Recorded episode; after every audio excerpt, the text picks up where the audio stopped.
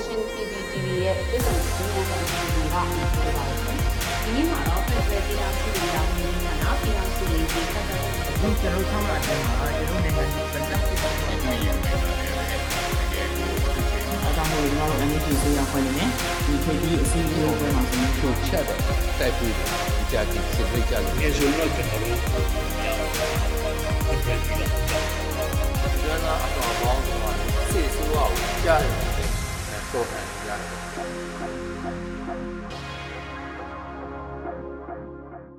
အကြမ်းဖက်အာဏာသိမ်းစစ်ကောင်ဆောင်မင်းအောင်လှိုင်ဟာတိုင်းရင်းသားခေါင်းဆောင်တွေနဲ့ကိုယ်တိုင်တွေ့ဆုံမဲဆိုပြီးတော့ပြီးခဲ့တဲ့ရက်ပိုင်းကမိန့်ခွန်းမှာဖိတ်ခေါ်ထားတာကိုတွေ့ရပါတယ်။ဒါနဲ့ပတ်သက်ပြီးတော့ကရင်နီမျိုးသားတိုးတက်ရေးပါတီရဲ့အတွေ့အမှုနှစ်ဖြစ်သူဦးအောင်ဆန်းမြင့်ကိုဆက်သွယ်မြင်သွားမှာပါရှင်။ ဒီအကြမ်းဖက်အာဏာသိမ်းစစ်ကောင်ဆောင်မင်းအောင်လှိုင်ကဒီတိုင်းရင်းသားခေါင်းဆောင်တွေကိုသူကိုယ်တိုင်တွေ့မယ်ဆိုပြီးတော့ဖိတ်ခေါ်တဲ့ကန့်လန့်ချက်အပေါ်ကိုဆရာအနေနဲ့ဘယ်လိုမြင်လဲရှင်ဟောဒါကတော့သူတို့အနေနဲ့အကြက်တဲတွေ့လာတိုင်းမှာပေါ့နော်ဒီစစ်စစ်အကြမ်းဖက်စစ်တပ်ရဲ့ပေါ့နော်ကျွန်တော်တို့ဒီအကြက်တဲဖြစ်လာတိုင်းမှာဒီနည်းကိုပဲခဏခဏသုံးလာတာပေါ့နော်အခုမှလည်းမဟုတ်ပါဘူးဟိုကျွန်တော်တို့ဟိုအချိန်ခါလည်းများပါပြီထောင်ကိုကျွန်တော် တော်လိုင်းမှာလုပ်ခဲ့တဲ့တက်တန်းအရာကတော့ဒီထောင်995ခုနှစ်မှာလုပ်ခဲ့တဲ့တစ်ချိန်ရှိတယ်အဲတော့ကတော့နဝတာခစ်ပေါ့နော်ဒါခင်ညိုခစ်မှာပေါ့ကျွန်တော်တို့ဥပဒေပေါင်းထဲဝင်ရောက်ပါအာဒီအပြစ်ခတ်ရက်စေးလုပ်ပါနောက်ပြီးတော့မှနိုင်ငံရေးဆွေးနွေးပွဲကိုတော့တက်လာမဲ့ဒီမိုကရေစီဆိုရလက်ထက်မှာဆွေးနွေးပါဆိုပြီးမှအာဒီမှာဒီညောင်နှမင်းကြီးလာကန်တွေဟိုလှုပ်ဒီလှုပ်နေနောက်ဆုံးကြတော့လေ ဟိုပြက်သွားတာပဲပေါ့နော်ဘာမှလည်းရမတင်မနဲ့ဒီအမျိုးသားရင်ကြားစီနဲ့နိုင်ငံရေးဆွေးနွေးပွဲပြက်သွားတာပဲနောက်ဒီအာ2012ခုနှစ်ပေါ့နော်2012ခုနှစ်မှာလည်းထပ်ပြီးတော့မှအပြစ်ခတ်ရက်စေးတွေလုပ်တယ်ကျွန်တော်တို့တော့မှဒီတော့ bilateral ပြစ်ခတ်ရက်စေးတော့လိုက်ပါသေးတယ်ဒါပေမဲ့ nation wide ceasefire မှာတော့ကျွန်တော်ထိုးခဲ့ဘူးအဲ့ဒီမှာလည်းအားလုံးသိကြတဲ့အတိုင်းပေါ့နော်ဒီအာတိုင်းနာတော်လိုင်းဖွဲ့စည်းဆယ်ဖွဲ့ကတော့ အာဒီ NC မှာလက်မှတ်ထိုးခဲ့ကြတယ်ဆိုတော့ထိုးခဲ့ကြပြီမဲ့လည်း NC ကိုဒါကတော့နိုင်ငံတကာရဲ့ရှေ့မှောက်မှာနော်ထိုးခဲ့ကြတယ်ဂတိကွက်တွေပြုကြတယ်ဒါပေမဲ့နောက်ဆုံးကြတော့ကျွန်တော်တို့တိုင်းသားတွေလိုလားတဲ့အမျိုးသားတန်းတူရေးတရားမျှတရေးနဲ့ကိုယ်ပိုင်ပြတ်ထန်းခွင့်ပြေဝရှိတဲ့ Federal ကိုမပေးနိုင်တဲ့အခါကျတော့အတမတော်ကာကွယ်ရေးဦးစီးချုပ်ရဲ့မူ၅ချက်ဆိုပြီးမှအကန့်အသတ်တွေနဲ့သူလိုက်ကတ်တာတယ် နောက်ပြီးမှကျွန်တော်တို့ခွဲမထွက်ရေးအဲအခြေခံမူတွေကိုဆွေးနွေးတဲ့အခါမှာခွဲမထွက်ရေးမူနဲ့ဒါပေါ့ဒီ political deadlock ဖြစ်အောင်ပေါ့နော်ဒါတွေလုပ်ခဲ့တယ်လုပ်ခဲ့ပြီးမှနောက်ဆုံးမှာတော့အာဒီကျွန်တော်တို့ဒီ2020ရွေးကောက်ပွဲမှာအာပြည်သူလူထုရဲ့ရွေးကောက်ထားတဲ့လွှတ်တော်အမတ်တွေဖမ်းဆီးထောင်ချတပ်ဖြတ်တာတွေအထိပေါ့နော်ရေးရဲတင်းတင်းပဲလုပ်ခဲ့တာဒါတွေကအခုလဲသူတို့မှနိုင်ငံရေးအကျက်တိုင်းတွေရှိလာတယ်နိုင်ငံတကာရဲ့ မြန်မာနိုင်ငံရေးအတွက်ပေါ့နော်ဒါဖိအားပေးဆောင်ရွက်ဖို့တွေတိုက်တွန်းလာတာရှိတယ်ဆိုတော့အာဆီယံရဲ့အာမူငါးချက်နဲ့ပေါ့နော်အဲဟိုလဲကျွန်တော်တွန်းလာတာရှိတယ်နောက်ပြီးမှအိန္ဒိနာချင်းနိုင်ငံတွေဖြစ်တဲ့အဓိကကတော့တရုတ်ပေါ့တရုတ်ဆိုရကအာအကြံဖက်စစ်တပ်ကိုပံ့ပိုးသလိုတစ်ဖက်ကလည်းကျွန်တော်တို့တိုင်းပြည်ထဲမှာဒီတည်ငြိမ်ပြီးတော့မှသူ့အတွက်အကျိုးများလုပ်နိုင်မဲ့အရေးကိုသူကလည်းမျှော်မှန်းတာဖြစ်တယ်ဆိုတော့သူ့အနေနဲ့ကတော့ ဒီမြန်မာနိုင်ငံရဲ့နိုင်ငံရေးပြဿနာတွေကစီးရင်းနှီးနဲ့ဖြေရှင်းလို့မဖြစ်နိုင်ဘူးဆိုတော့သူနားလေတယ်ဒါကြောင့်မလို့တွေ့ဆုံဆွေးနွေးတာကိုလုပ်ဖို့တစ်ဖက်ကလည်းပံ့ပိုးတယ်တစ်ဖက်ကလည်းအာစစ်အာတက်ကိုပေါ့နော်ဒါကတော့ဘယ်လိုပြောမလဲတစ်ဖက်ကလည်းတွန်းအားပေးတာတွေလုပ်တော့သူ့အနေနဲ့နိုင်ငံတကာနဲ့အာဆီယံနိုင်ငံတွေကြားမှာမျက်နှာပန်းပြန်ရအောင်နော်ဒီပြချင်တဲ့သုံးချက်ရှိတယ်အဲ့ဒါကတော့ဒီနိုင်ငံတကာမှာတိုင်းပြည်ကို ဒီကျန်းဖက်စစ်တပ်ကနေမှထိန်းချုပ်ထားပြီးတော့စီမံခန့်ခွဲမှုတွေကိုဆောင်ရွက်နေနိုင်ပါတယ်ဆိုတော့ပြချင်တယ်ပြချင်လို့ပဲကျွန်တော်တို့တကယ်စစ်ဖြစ်နေတဲ့ပြည်နယ်တွေမှာတချို့တိုင်းဒေသကြီးမှာတော့မှ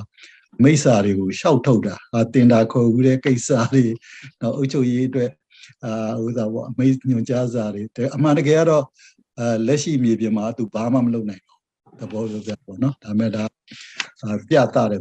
နောက်ပြီးမှတခါ အမျိုးသားရင်ကြားစီရင်နဲ့တွေးဆုံဆွေးနွေးရေးတွေကိုလည်းကျွန်တော်တိုင်းသား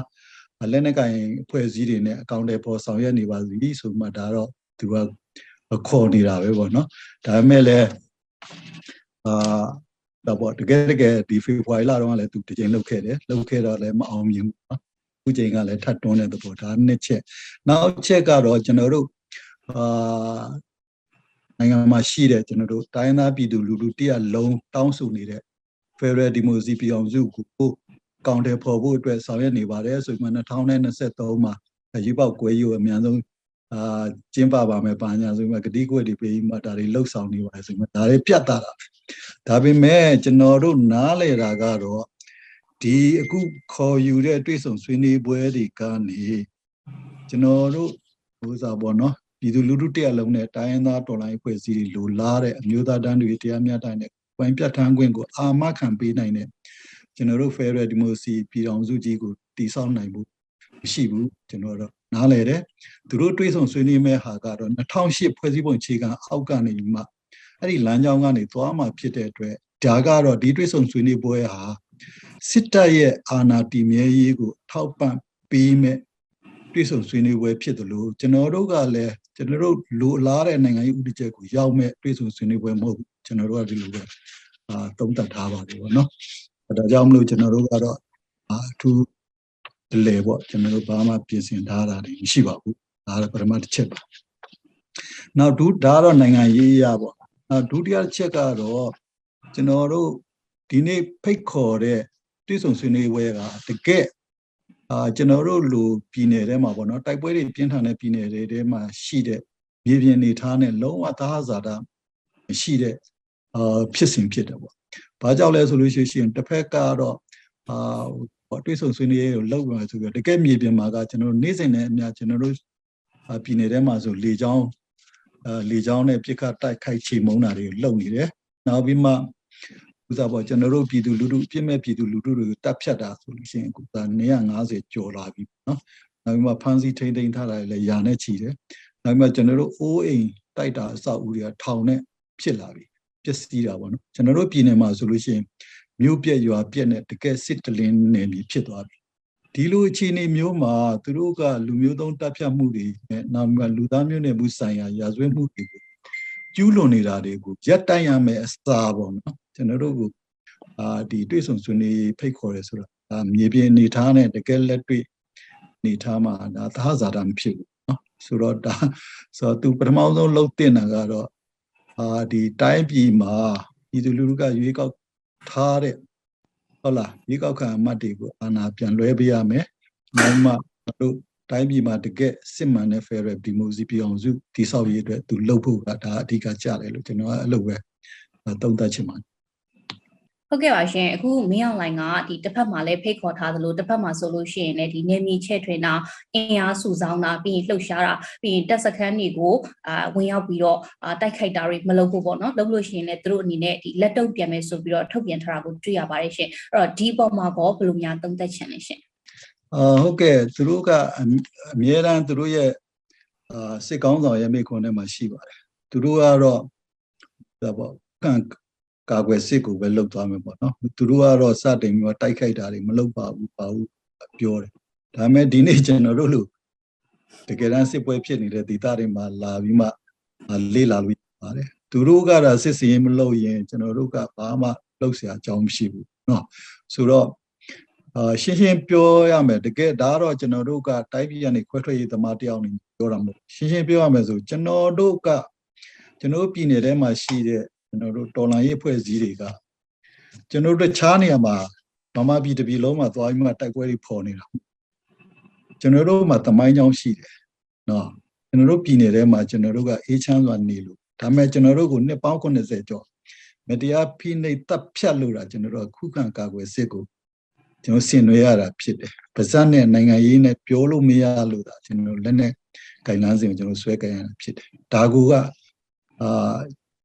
သူတို့ကဘလောက်တိပြည်သူလူထုကို propaganda ပေါ့နော်ဒါနိုင်ငံတကာနဲ့ပြည်သူလူထုကိုဘလောက်တိဝါဒဖြန့်ချီလုပ်တယ်ဆိုတာသိတာပါတယ်လို့အခုလဲအာပြစ်ခတ်ရဆဲလို့ခေါ်တယ်သူတို့ဘက်ကအင်အားတိုးချဲ့တာဟာလာတိုက်ပွဲတွေကိုဒီတဲ့ပိုကြီးမားတာအခုဇန်နဝါရီလတည်းကစပြီးမှကျွန်တော်တို့ရှိမှလေချောင်းစစ်စင်ရေးကနေ့စဉ်နဲ့မပြတ်ပဲနော်ဒါအားလုံးကြာဘူးမှာပါကျွန်တော်တို့ထက်မှအခုကျွန်တော်ရဲ့စစ်တမ်းရဆိုလို့ရှိရင်လေချောင်းစစ်စင်ရေးက 250ကျော်သွားပြီဒါလေချောင်းနဲ့တိုက်ခိုက်တာပေါ့လေချောင်းနဲ့အကြိမ်150ကျော်တိုက်ခိုက်တဲ့နေရာဒေသတို့ဘယ်လိုရှိမလဲဆိုတာမျက်စိထဲမှာမြင်အောင်လို့ရပါတယ်လို့အဲဒါကြောင့်မလို့ကျွန်တော်တို့လက်တွေ့နဲ့သူတို့ခေါ်နေတဲ့အာတွေးဆုံဆွေးနွေးရဲကတော့လုံးဝပဲပေါ့ကိုက်ညီပါဘူးအဲ့ဒါလေးလက်ရှိမြေပြင်အခြေအနေကရောအကြမ်းဖက်စစ်တပ်ရဲ့အနေအထားကဘယ်လိုများရှိလဲရှင်ဟာအခုကျွန်တော်တို့ပြည်နယ်ထဲမှာဆိုလို့ရှိရင်တော့ဟိုဆိုပေါ့ ဒီကျွန်တော်တို့တော်လိုင်းရေးဘက်ကလည်းဟိုဆိုပေါ့ဆုံးရှုံးမှုတွေတော့ရှိရပါတော့ဒါပေမဲ့အနည်းနဲ့အများဆုံးရှုံးမှုရှိတယ်ဒါစစ်ပွဲဆိုတော့ဒါပေမဲ့အကျန်းဖက်စစ်တပ်ကတော့အာတော်တော်လေးဆုံးရှုံးမှုတွေရှိပါတယ်သူတို့အကြဆုံးတွေများပါတယ်အားလုံးလည်းသိကြတဲ့အတိုင်းပဲသူတို့တပ်တဲမှာလည်းဥစားပေါ့ဘယ်လိုပြောမလဲဖြူပြဲတွေဖြစ်နေပြီเนาะတပ်တဲမှာလည်းဖွဲ့စည်းပုံတွေပျက်စီးကုန်ပြီเนาะဆိုတော့ဒါကတော့ အာကျွန်တော်ပြည်နယ်မှာဖြစ်ပြနေတဲ့ဟာနောက်ပြီးမှသူတို့လက်ရှိမြေပြင်နေထားမှဆိုသူတို့ ရေပြင်တိုက်ပွဲတွေနဲ့ကျွန်တော်တို့ကိုဘုမှရှင်လို့မရတော့ဘူးအဲ့ဒါကြောင့်မလို့လေသူတို့ကလက်နဲ့ကြီးတွေအာတာလွန်နဲ့ဒါပေါ့နော်စစ်တီအင်အားတွေနောက်တာလွန်နဲ့လက်နဲ့ပစ္စည်းတွေနဲ့ပေါ့နော်အမြောက်ကြီးတွေလက်နဲ့ကြီးတွေနောက်လေရင်ဒီနဲ့ပေါ့နော်ကျွန်တော်တို့ပြန်ပြီးမှတိုက်ခိုက်နေဖြစ်တယ်ဒါပေမဲ့လည်းဒါတွေကဒီထက်ဆိုးလာမလားဆိုတော့မရှိနိုင်တော့ဘူးဒီထက်ဆိုးတဲ့ဖြစ်ရပ်တွေကတော့ကျွန်တော်တို့ပြည်နယ်မှာအစွန်းကုန်သွားပြီပေါ့နော်ဒါကြောင့်မို့ကျွန်တော်တို့ကတော့အာဘယ်လိုမှတော့ဒီပုံမှာတော့ ထူးထူးထွေးထွေးပေါ့နော်ဖြစ်เสียအကြောင်းမရှိပါဘူးအဲ့ဒါလေးပါ ဟုတ်ကဲ့အခုလက်ရှိဆရာတို့နဲ့အမျိုးသားညီညွတ်ရေးအစိုးရကြားကဆက်ဆံရေးအခြေအနေလေးကိုလည်းပြပြပေးပါအောင်ရှင် အာလက်ရှိမှာတော့ကျွန်တော်တို့ကတော့ဒီနိုင်ငံရေးအရာပေါ့နော် NUCC မှာလည်းကျွန်တော်တို့ပါဝင်ပြီးမှဒီနေ့ဂျာကာလာအတွက်တော့၎င်းနောက်ပြီးမှအနာဂတ်ဖက်ဒရယ်ဒီမိုစီတိဆောက်ရေးအတွက်တော့၎င်းပေါ့နော်ကျွန်တော်တို့ကဒီမူဝါဒရေးဆွဲရေးလုပ်ငန်းစဉ်တွေမှာလည်းအာ ထဲထဲဝင်ဝင်ပါဝင်နေတာရှိသလိုကျွန်တော်တို့ NUG အစိုးရမှာလည်းကျွန်တော်တို့ထဲထဲဝင်ဝင်ပါဝင်နေပါတယ်အစိုးရဖွဲ့ထဲမှာလည်းအာကျွန်တော်တို့ရဲ့အဖွဲ့ဝင်ပါသလိုဒီလုပ်ငန်းတွေကိုပြည်နယ်ထဲမှာပေါ့ကျွန်တော်တို့ပြည်နယ်ထဲမှာဒီလုပ်ငန်းစဉ်တွေကိုအကောင့်တွေပညာရေးကျန်းမာရေးနော်လူသားချင်းစာနာထောက်ထားမှုအစီအစဉ်နဲ့ကျွန်တော်တို့ဒီကာကွယ်ရေးလုံခြုံရေးဆိုင်ရာအားလုံးကကျွန်တော်တို့ရှိမှာဒါ ချိတ်ဆက်ပြီးမှဆက်ဆက်ဆောင်ရွက်နေရတယ်ရှိပါတယ်ပေါ့နော်မြင်ချင်းထားမှာဟုတ်ကဲ့ပါရှင်အခုနောက်ဆုံးအနေနဲ့ဒီဆရာနာရှင်စနစ်ကိုအမြင့်ဖြတ်မယ်ဆိုတဲ့ပြည်သူတွေရဲ့မျှော်လင့်ချက်ပြည်ဖို့ဘယ်လောက်ထိနှီးစက်နေပြီလဲဆိုတာရဲ့ဒီတော်လိုင်းရဲ့ရှေ့အလားအလာနဲ့ပတ်သက်ပြီးတော့ဆရာအနေနဲ့တစ်ချက်လောက်သုံးသပ်ပေးပါအောင်ရှင်ဟုတ်ကဲ့ကျွန်တော်တို့အာမြန်မာနိုင်ငံမှာပေါ့နော်ဒီဆီယနာရှင်စန့်ကျင်ရေးလူလူလှုပ်ရှားမှုတွေကတော့အာကျွန်တော်တက်သားမှာဆိုရင်တော့ဟောပေါ့ တော်တော်လေးများခဲ့တာပေါ့နော်ဒီ1984 85မှာဥတန်ရေးခင်းဆိုပြီးဒါကတော့ကျွန်တော်ကတော့ဝေးကစားပဲပေါ့နော်အဲအဲ့အချိန်မှာတော့အဲဒါတော့ကြားဘူးတာတွေပေါ့နော်24ဆိုတာရှိတယ်နောက်ပြီးမှကျွန်တော်တို့ဒီအာ88ပေါ့နော်88ဆိုတာရှိတယ်2000နဲ့ခွန်ရှိဝါရောင်ခင်းတို့ပေါ့နော်2000နဲ့အဲ21ပေါ့နော်ဒီရေးခင်းတွေ၄ချိန်လောက်ကျွန်တော်လာခဲ့တဲ့အချိန် ဒီနေ့2001မှာဖြစ်ပေါ်လာခဲ့တဲ့ကျွန်တော်တို့တော်လန်ရေးဖြစ်စဉ်ကတော့တခြားဖြစ်စဉ်တွေနဲ့မတူပါဘူးကျွန်တော်တို့တတိုင်းတပြည်လုံးပေါ့နော်ဒီမတူထူးခြားတဲ့လက်နက်ကင်ပန်တော်လန်ရေးစစ်ကိုကျွန်တော်တို့ဆင်နွှဲခဲ့ကြတာဖြစ်တယ်အရင်တုန်းကတော့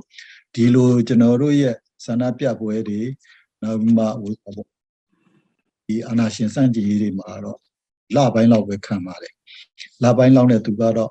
အာတာလွန်အင်အားနဲ့ဖိနှိပ်ဖြူခွင်းလိုက်တာပဲဒါပေမဲ့ဒီနေ့2001ကတော့အားလုံးသိကြတဲ့အတိုင်းကျွန်တော်တို့ပြည်သူလူထုတရားလုံးကလည်းကျန်းဖက်စစ်တပ်ရဲ့မတရားမှုတွေကိုအားလုံးနားလည်ကြကြကြပြီးခံစားလာကြရပြီဆိုတော့ဒါကြောင့်မို့သူတို့ကလည်းဒါပေါ့ဒါပေါ့အကုန်လုံးပေါ့ဒီလူငယ်လူရွယ်တွေမှန်သမျှပေါ့နော်ဒီဒေါ်လာရေးမှာပါဝင်လာကြတယ်နောက်ပြီးတော့မှကျွန်တော်တို့ရင်တော့ကဆိုလို့ရှိရင်တိုင်း ရင်းသားတော်လှန်ရေးဖွဲ့စည်းတွေပေါ်မှာကျွန်တော်တို့တနိုင်ငံလုံးမှာရှိတဲ့ပြည်သူလူထုကနားလေသဘောပေါက်ချင်မှပေါက်မှာနော်ဆိုတော့သူတို့ရဲ့စစ်တပ်ရဲ့ဒါပေါ့ဘာသာဖြန့်ချီရကျွန်တော်တို့ကအကြမ်းဖက်အုပ်စုတွေဖြစ်တယ်တောင်းကျမ်းသူတွေဖြစ်တယ်လို့နားလေကြတယ်ဒါပေမဲ့ဒီနေ့တော်လှန်ရေးကာလမှာတော့အားလုံးဟာကျွန်တော်တို့ရဲ့အာနိုင်ငံရေးဥပဒေချင်းနဲ့ဘာကြောင့်နိုင်ငံကိုင်တော်လှန်ရေးလမ်းစဉ်ကိုကင်ဆွဲရတယ်လဲဆိုတော့အားလုံးနားလည်လာကြဖြစ်တယ် နော်ဒါကတော့အစိုးရအကောင်းဖြစ်တယ်ဒါပေမဲ့ဘယ်လိုပဲဖြစ်ဖြစ်ကျွန်တော်တို့တိုင်းရင်းသားဒေါ်လာရေးဖွဲ့စည်းတွေနဲ့ပြည်သူလူထုကဒီနေ့တစ်ချိန်မှာတသွေးသက်တသားတဲ့ရှိခဲ့ကြပြီနော်ရှိခဲ့ကြတော့ကျွန်တော်တို့နှစ်ပေါင်း80ကျော်စစ်တပ်ရဲ့မတရားဖိနှိပ်ပူကြတဲ့လောက်ရက်တွေကျွန်တော်တို့ကဒီဘဝကနေလွတ်မြောက်ပြီးမှကျွန်တော်အေးချမ်းသာရတဲ့တိုင်းပြည်တည်ဆောက်မယ် Federal Democracy တည်ဆောက်မယ်ဆိုတော့ဒီနေ့ကတတိုင်းတစ်ပြည်လုံးကနားလည်နေတဲ့ခံစားချက်တွေရှိတယ် ဆိုတော့ဒီနေ့ကအခွင့်ကောင်းကာလဖြစ်တယ်ဆိုတော့ဒီနေ့မှဆရာနာကြီးချုပ်ငြိမ်းရေးကိုကျွန်တော်တို့ဟန်ချက်ညီညီနဲ့မလုပ်နိုင်ဘူးဆိုရင်အာကျွန်တော်တို့နောက်ထပ်တစ်ဖန်ပေါ့နော်စစ်တပ်ရဲ့အာဒီနေ့ဖိနှိပ်ပေါ့နော်ဒီအုပ်ချုပ်မှုကျွန်တော်တို့ဆက်ခံရအောင်ဖြစ်ပါတယ်လို့ဒါကြောင့်တော်လန်ရေးဆိုတာကတော့ကျွန်တော်တို့ပိစတ်ခြင်းများစွာနဲ့လုပ်ရတာဖြစ်တယ်ဆိုတော့ပိစတ်ခြင်းဆိုတာအသက်ချွေးပေါ့နော်ပါတွေနဲ့ရင်းနှီးရတာဖြစ်တယ်ဒီပုံမှာတော့ ခုနကကျွန်တော်ပြောသလိုပဲကျွန်တော်တို့ကအာခဏတာခဏတာပေါ့နော်ဒီအေးချမ်းမှုကိုယူတာတဘောအစာပေါ့နော်အေးချမ်းမှုယူတာဆိုတော့ကျွန်တော်တို့ပြည်သူလူထုတရားလုံးတိုင်းသားညီကိုအားလုံးကနေဆုံးဖြတ်ဖို့လိုပါတယ်လောလောဆယ်ကတော့ကျွန်တော်တို့ကစစ်ပွဲတွေအချိန်တွေအောက်မှာအာကျွန်တော်တို့ပညာရေးကျမ်းမာရေးစားဝတ်နေရေးဒါတွေကိုတခါတလေလဲအသက်ဘေးအနေနဲ့ကြုံရတာတွေကိုကျွန်တော်တို့ ရှိပါလိမ့်မယ်ရှိတဲ့အခါမှာဒါတွေကိုတော့ကျွန်တော်တို့အာဒီတော်လိုင်းရေးအောင်မြင်ရေးအတွက်ကျွန်တော်တို့သိခံပေးဖို့ကျွန်တော်တို့မြစ်တာရက်ခံခြင်းနဲ့ဆိုတော့ကျွန်တော်တို့တိုင်းရင်းသားတော်လိုင်းရေးဆိုနှစ်ပေါင်း80လောက်လူမသိသူမသိနဲ့တက်ချွေးတွေပေးခဲ့ရတဲ့သွေးတွေပေါ့နော်ဘဝတွေဆုံးရှုံးခဲ့ရတာအများကြီးရှိပါတယ်လို့ဒါပေမဲ့ဒီနေ့ဒီချိန်ထိကျွန်တော်တို့အားမလျှော့သေးပါဘူးလူလူတို့ကြီးလို့အဲ့လိုအာတွန်းအားပေးခြင်းနဲ့နောက်ပြီးမှကျွန်တော်တို့ဒီနေ့ အချိန်မှာစစ်တပ်ကပြိုကွဲနေပြီဖြစ်တယ်သူမှအားမရှိတော့ဘူးသူမနေပြီးကြံဖန်ပြီးမှစစ်တပ်ကိုစုစည်းနေရတာဖြစ်တယ်တကယ်လို့များကျွန်တော်တို့အာတိုင်းရင်းသားတော်လှန်ရေးဖွဲ့စည်းတွေအားလုံးတနိုင်ငံလုံးမှာရှိတဲ့ကျွန်တော်တို့လူတွေတွေအားလုံးကဒါတပြိုင်နက်တည်းဟန်ချက်ညီညီနဲ့စစ်တပ်ကိုတွန်းလာမယ်ဆိုလို့ရှိရင်အနေနဲ့အများပေါ့နော်ကျွန်တော်တို့အများဆုံးကျွန်တော်တို့လူချင်းနဲ့အာအောင်မြင်မှုပန်းနိုင်ကိုရရှိမှာဖြစ်ပါတယ်လို့အဲ့ဒါလေးကိုကျွန်တော်ပြောချင်ပါတယ် ဟုတ်ကဲ့ပါဆရာရှင်အခုလိုမျိုးကအချိန်ပေးပြီးဖြေကြပေးရတဲ့ကျေးဇူးအများကြီးတင်ပါတယ်ရှင်အာဟုတ်ကဲ့ဟုတ်ကဲ့ကျေးဇူးတင်ပါတယ်လို့ဟုတ်ကဲ့ပါ